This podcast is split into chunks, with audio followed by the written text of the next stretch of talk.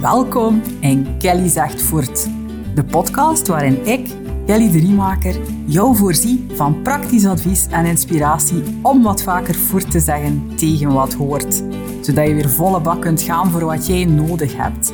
Ooit was ik zelf lifestyle-journalist en schrijver. Vandaag coach ik mensen om de regie van hun leven in handen te nemen en authentiekere keuzes te maken. In Kelly zegt voort deel ik mijn eigen hobbelige traject van loslaten en kiezen voor een leven dat steeds beter bij mij past. Een leven waarin schaamte, people pleasen en verlammend perfectionisme een steeds kleinere rol spelen. In deze podcast ga ik ook in gesprek met mensen die ook voortleren zeggen tegen geïnternaliseerde regels rond geluk, succes en wat normaal is en wat niet.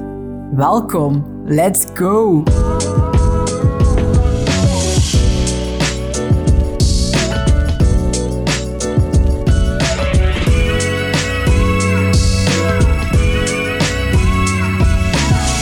Hallo, hallo, hallo. Je zit al in episode 2 van Kelly Zegt Voort. Vlotjes wij.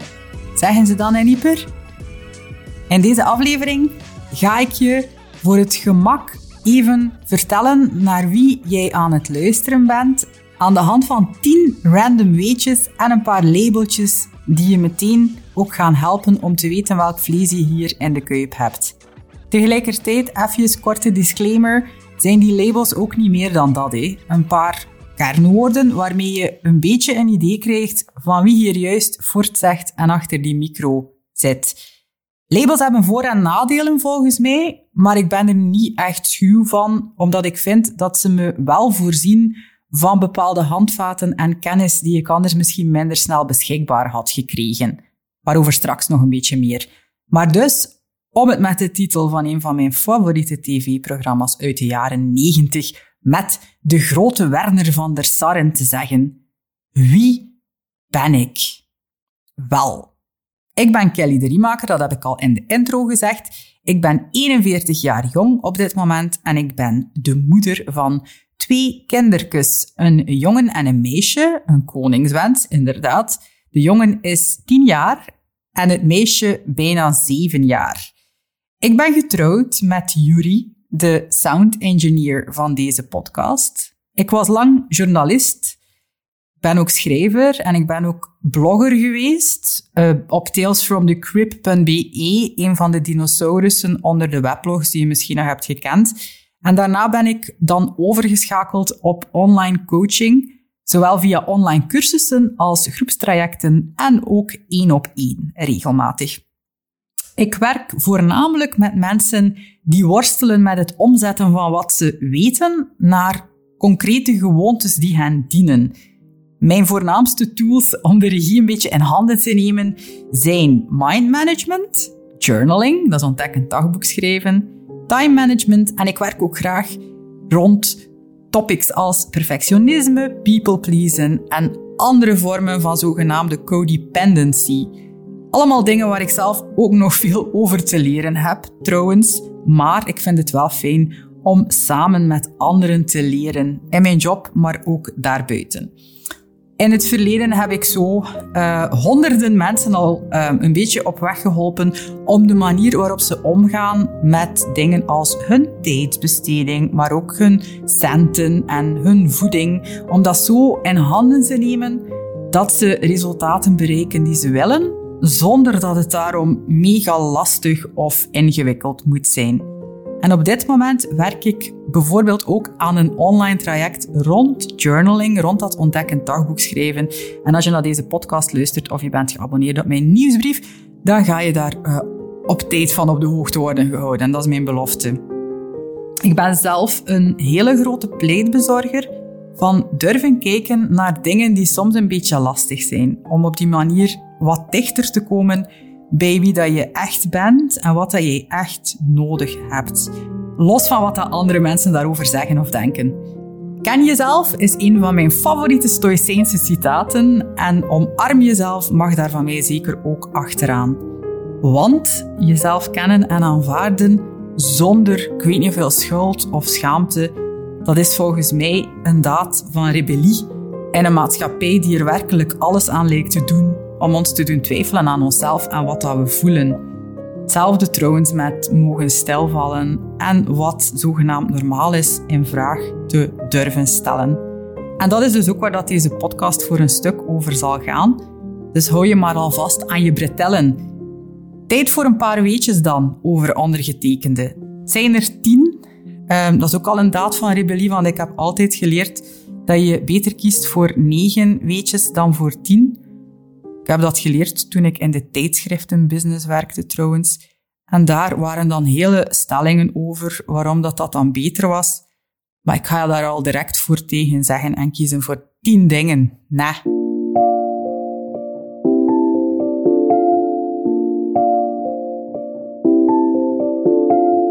Eerste dingetje dat je over mij uh, mag weten, is dat ik zot ben van leestjes. Maar echt. Al van toen ik heel, heel klein was. En ik maakte ook lijstjes op mijn blog waar ik het daar net over had, talesfromthecrip.be.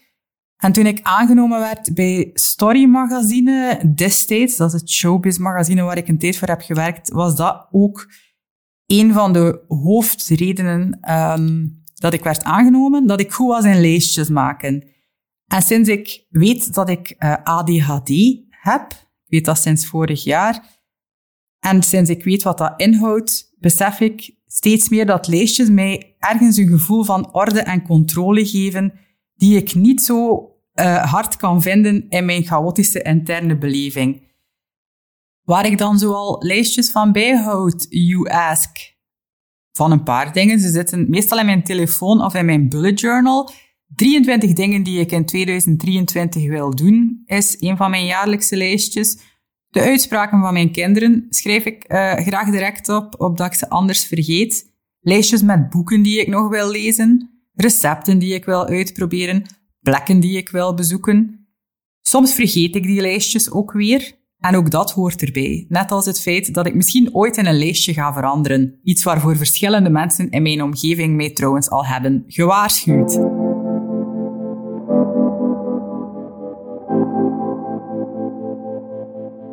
Puntje nummer twee. Ik ben een introverte nerd die nog het liefst schrijft en leest en studeert, als ik heel eerlijk ben. Ik ben heel graag alleen. Met introvert bedoel ik dat ik minder energie krijg van sociale activiteiten dan mensen die onder de noemer extravert vallen en energie krijgen als ze met grotere groepen interacten. Bij mij is het liefst uh, één op één en niet te veel en te lang. Ik ga het daar trouwens nog wel over hebben in toekomstige episodes over het verschil tussen introvert en extravert zijn. Maar ik ben dus overduidelijk een introverte mens. Ik ben al heel mijn leven op zoek naar de waarschijnlijk onbestaande balans tussen hele dagen binnenzitten en lezen en schrijven en af en toe toch ook een keer onder de mensen komen. Diep bij mij leeft er volgens mij een oude monnik die enorm houdt van stilte en rust en zen. Maar dat is dus maar een deeltje van het verhaal. Want naast de deur van die monnik leeft er een stuiterbal die die monnik eigenlijk heel de tijd wil meesleuren naar buiten, omdat er van alles te beleven valt daar. Maar die monnik, die vindt dat allemaal wel tof, maar die weet ook dat hij nogal snel moe wordt en uh, de neiging heeft om te beginnen wenen als het druk en overweldigend wordt. En dat is dus eigenlijk het verhaal van mijn leven. Al 41 jaar lang. Ik ben compleet zot van prikkels. Ik ben compleet zot van nieuwe dingen. Ik word snel overweldigd door prikkels en ik word snel overweldigd door nieuwe dingen. De voet staat bij mij tegelijkertijd op de gaspedaal als op de rem, met alle mogelijke gevolgen van dien. Interessant, wij.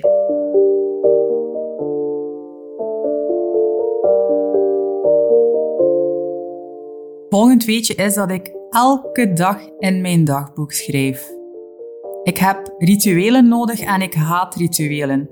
Rituelen geven mij houvast en ze zorgen ervoor dat ik mijn tijd ook niet volledig uit handen geef aan andere mensen. En het is niet zo dat rituelen onderhouden en afspraken met mezelf nakomen, dat dat iets is dat mij van nature afgaat. Ik moet dat nog altijd leren, ik heb dat moeten leren, maar het is zeer belangrijk voor mij Het is ook een vorm van grenzen stellen. Ik heb ook echt moeten leren dat ik mezelf eerst mag uitbetalen. En daarmee verwijs ik graag naar het principe van pay yourself first. Misschien ken je dat wel, dat is zo'n principe uit de wereld van het budgetteren.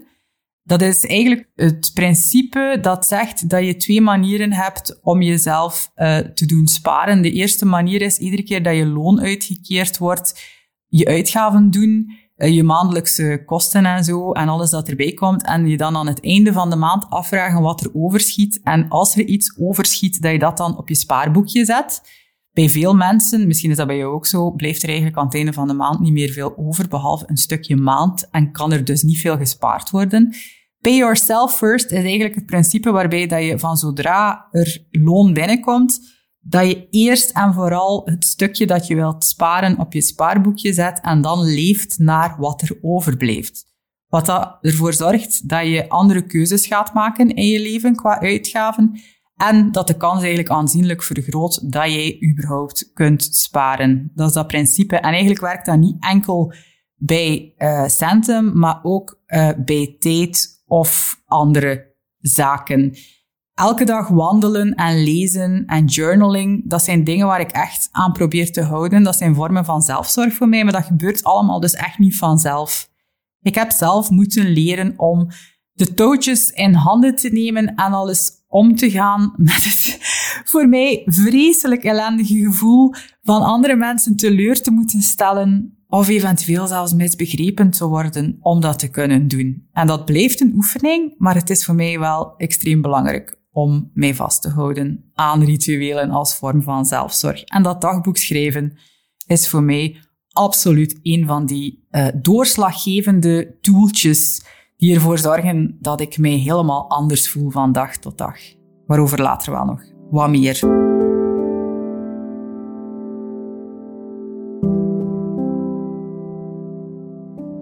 Weetje nummer vier is een smakelijk weetje. Ik ben een enorme foodie en ik ben zot van alles dat te maken heeft met koken en eten. Soms denk ik, zonder zever, dat ik ooit nog een keer een restaurant zou willen beginnen. Ik heb ook een diploma hulpkok, dus ik zou het vast ook niet volledig verknallen in de keuken. Ik word onwaarschijnlijk zen van eten maken. Ik denk trouwens niet nadat ik nu net heb gekeken naar The Bear op Disney Plus, dat over restaurantkeukens gaat, dat ik het zou aankunnen om daadwerkelijk in een drukke restaurantkeuken te werken. Maar uh, gewoon de tijd hebben om mij bezig te houden met groentjes snijden en een kookboek te pakken en een nieuw recept uit te proberen, daar word ik wel ongelooflijk gelukkig van.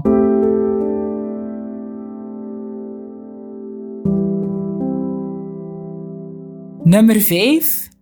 Ik test graag nieuwe dingen uit en ik ben ook heel graag bij de eerste om dat te doen. Gadgets, apps, raar, exotisch eten. Smijt maar allemaal mijn richting uit, gastjes. Dan ga ik er met heel veel plezier iets mee doen. Met één kleine uh, kanttekening. Als het niet te hoog is of iets te maken heeft met parkeren of rijden op de Brusselse ring. Op dat, vlak, op dat vlak ben ik dan weer een, een nogal bange laadploeier die bijvoorbeeld maar op haar 31ste haar rijbewijs heeft gehaald, um, omdat ik gewoon heel bang was en uh, de stamp onder mijn gat nodig had van een baby en het gedacht dat ik niet overal naartoe wilde fietsen met die baby om daadwerkelijk dat rijbewijs te gaan halen. Ook dat is een stukje van het verhaal. Maar nieuwe dingen, meestal trekken mij die nogal aan en vind ik dat de max om er naar te kijken.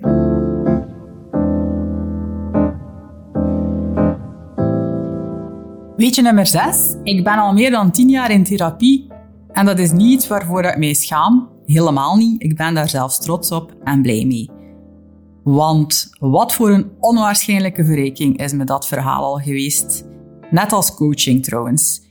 Ik zei het al, ik had het daarnet over mijn ADHD. Ik heb een neurodivers brein. Dus in mijn bovenkamer gebeurt er nogal wat.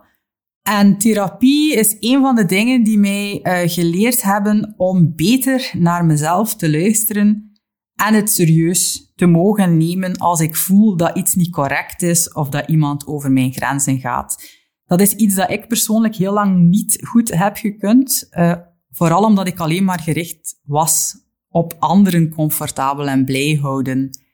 Het is nog steeds mijn Achilleshiel, trouwens, maar ik zie het mezelf al veel vaker doen dat eeuwige schikken en flink zijn en voor iedereen goed willen doen, forever. En dat inzicht en dat bewustzijn heb ik absoluut te danken aan het feit dat ik tien jaar geleden van mezelf in therapie ben mogen gaan.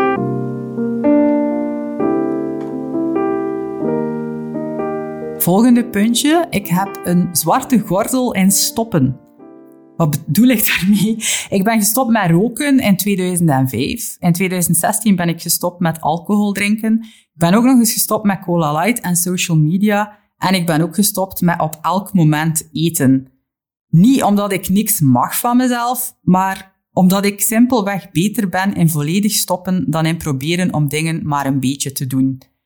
En ook omdat ik het gevoel heb dat hoe vaker ik stop met dingen die eigenlijk niet meer zo nuttig of nodig zijn voor mij, hoe minder ik nog te stoppen val. Wat echt de max is. En ik ben nogal alles of niks. Dat is nu eenmaal zo. Maar tegelijkertijd kan ik eigenlijk ook best goed stoppen.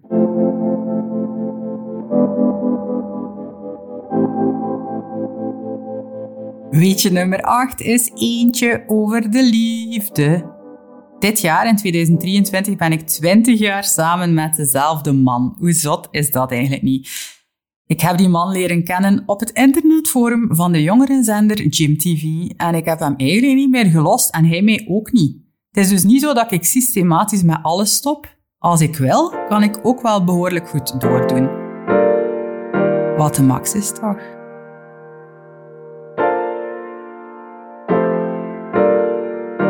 Weetje nummer 9. Ik heb iets met tien om te zien en met retro-televisieprogramma's. En niet alleen dat, ik schuim ook Vinted af op zoek naar dingen van Fido Dido en van LCY Kiki. En ik word ook een beetje zot als ik iemand zie met een retro flikvlak horloge of met een pin van Melee Park. En ik weet eigenlijk zelf niet zo heel goed waarom dat allemaal zo is.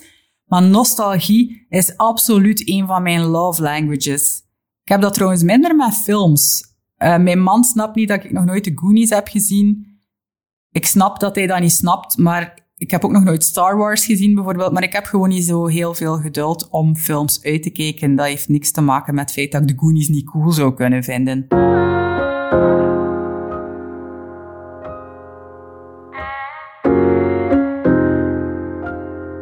Het laatste weetje, nummer 10, is dat mijn absolute superkracht mensen herkennen is. Ik heb een bizar goed ontwikkeld fotografisch geheugen als het gaat over menselijke aangezichten. En ik ben samen met een man die eigenlijk nooit iemand herkent. Dus misschien is het ook daardoor uh, dat het, allee, doordat het contrast zo verschrikkelijk groot is tussen ons beiden, dat het zo opvallend is. Hij ziet dan wel weer dat als hij in een H&M komt, zegt hij ineens, de vloer is hier veranderd en van mij mogen ze de volledige H&M veranderen en ik heb het compleet niet door. Dus ik vind dat echt soms freaky, hoe dat ons waarnemingsvermogen en ons hoofd een beetje van elkaar verschilt. Maar ik uh, heb dus soms dat ik iemand zie binnenkomen ergens en dat ik die uh, eh, 20 jaar geleden eens heb geïnterviewd voor 10 minuten en perfect en 100% zeker ben dat ik die mens ken en redelijk snel ook de context weer kan terugvinden van waar dat ik die ken. Zotjes, echt waar. En ook wel heel handig als je voor showbiz magazines en zo werkt en BV's moet herkennen op recepties. Et voilà. Dat waren de tien weetjes over mij. Ik hoop uh, dat je er iets aan had. Ah ja, en ik had je ook nog wat labeltjes beloofd. Hè? ADHD had je al. Ik denk dat ik ook val onder hoogsensitief. Voor zover dat je gelooft dat zoiets bestaat. Maar als je mij moet definiëren, dan zal ik zeker meer aan de kant van de hoogsensitiviteit zitten. Um, ik heb uh, al sinds mijn zesde door, omdat andere mensen mij dat verteld hebben, dat ik hoogbegaafd ben. Ik heb lang gedacht dat dat ervoor zorgde dat dingen makkelijker gingen. Sinds ik getest ben op ADHD weet ik dat er nogal wat overlap is tussen ADHD en hoogbegaafdheid. En dat het dus niet alleen maar wil zeggen dat je slim bent en dat alles voor niks gaat. Ook heel boeiend. Introvert had je ook al meegekregen. En ik denk dat dat op dit moment de belangrijkste zijn. Mocht ik er vergeten zijn, vertel ik er je later wel nog wat over. En dan heb ik nog één dingetje voor jou aan het einde van deze aflevering. Ik had je beloofd dat ik af en toe een tip ging meegeven in de rubriek De Tip van de Week. Ik heb een korte kleine tip die mij al heel vaak heeft geholpen. Als je niet kunt kiezen tussen twee dingen, gooi dan een centje omhoog en zorg dan dat de ene keuze kop is en de andere munt. Je kent het systeem. Wat je gooit is eigenlijk minder belangrijk dan wat je voelt op het moment dat het muntje valt. Voel je op dat moment teleurstelling, dan weet je dat je het andere wilde. Voor mij werkt dat altijd vrij goed om vooral te voelen wat ik wil in plaats van het kapot te denken, wat dan nogal mijn neiging is in het leven. En dit was dus aflevering 2 van Kelly zegt voort. Merci om te luisteren. Vond het de max dat je hier was. En heel graag tot de volgende keer. Salutjes!